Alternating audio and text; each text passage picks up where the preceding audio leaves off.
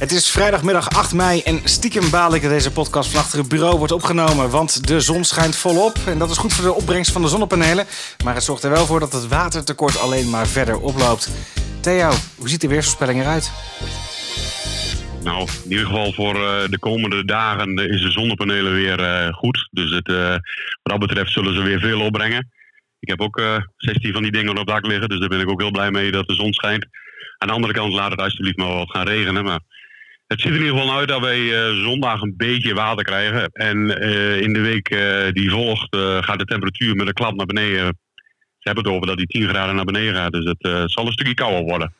Ja. Dat is op zich niet zo heel erg. Alleen ja, voor mais is dat wel, wel de subtropische plant die, die kan wel wat warmte gebruiken. En water.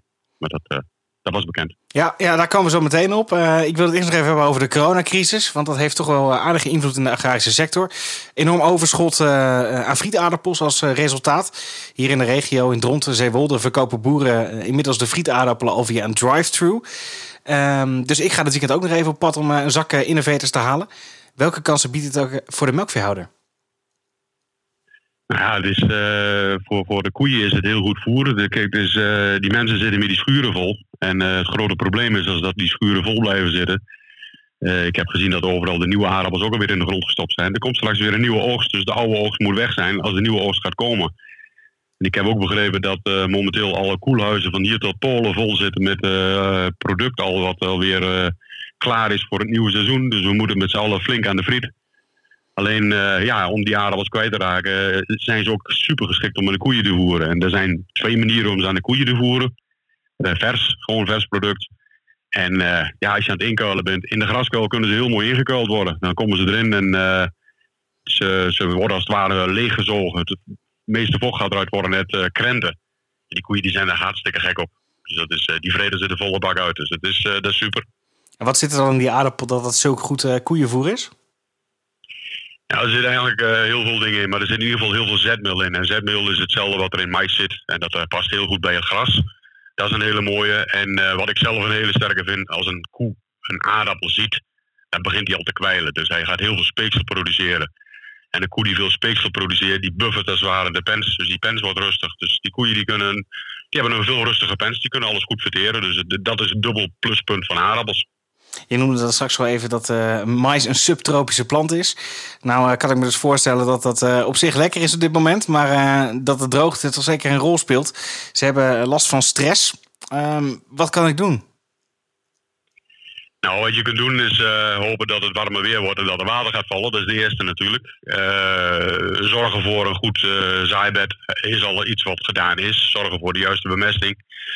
En uh, ja, we hebben uh, bij Jara hebben we ook een hulpmiddeltje. Dat is de Jara Vita Biotrack. Wat is dat? Uh, dat is een, een, een, een, een hulpmiddel waar naast dat er een beetje stikstof en een beetje kali en een beetje borium, zink in zit, zit er ook een, een extract in van het knotswier.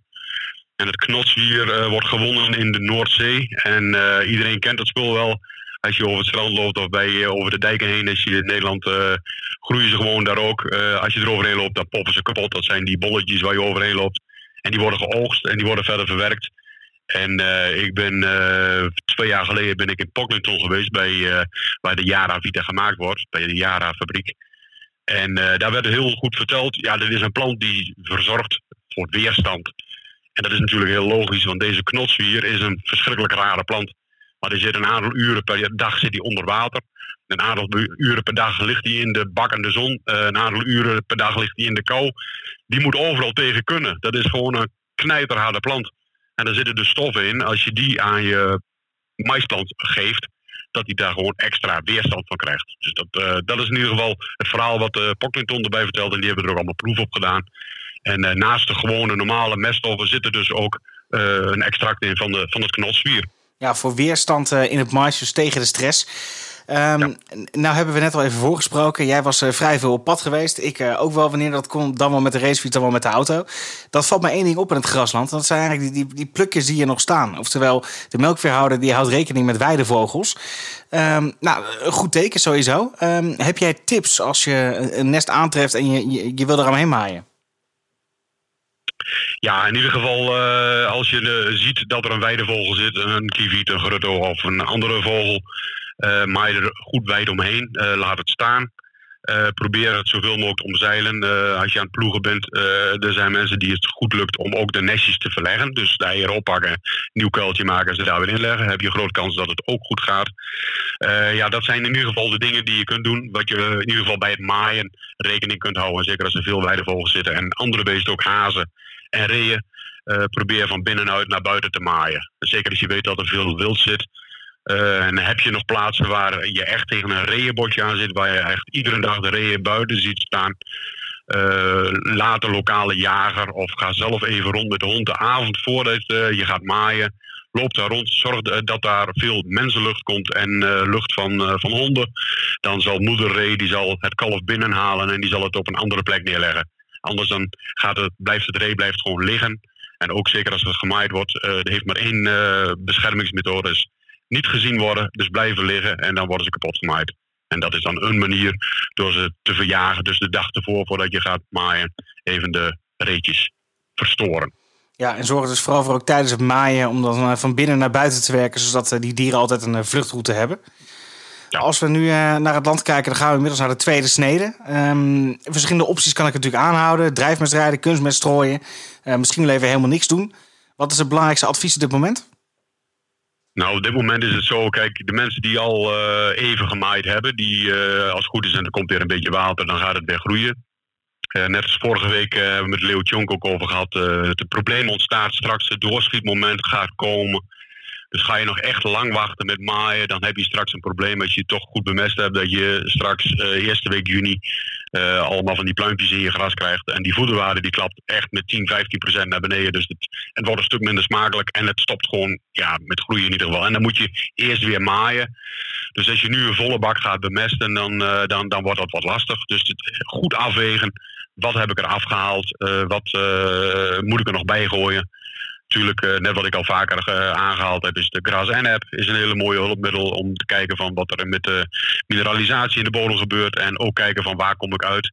En die geeft daar nog hele goede tips op. Dus dat is in ieder geval de, de, de tip die ik net als andere keren wil geven. Kijk naar die Gras N-app. En uh, per bedrijf en per gebied is er ook verschil. Uh, ik had net nog mijn Duitse collega aan de lijn. Die, uh, die vroeg ook van hoe is het in Nederland? Ik zei ja, uh, welk gebied wil je horen?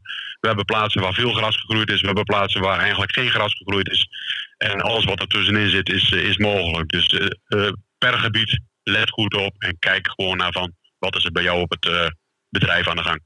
Helder, duidelijke woorden. Dan uh, kunnen we afronden. En dan uh, is dat resumerend heel simpel. Help uh, de akkerbouwer, dus koop frietaardappels. En dat is ook goed voor de koe. Maai van binnen naar buiten en bescherm de mais tegen stress. En tot slot voor het grasland. gebruik in ieder geval de gras-NF om te kijken wat er gebeurt met de mineralisatie. En wees het schieten voor, want dan stort de venwaarde volledig in. Dit is een podcast in 15 seconden. Perfect. Goed hè?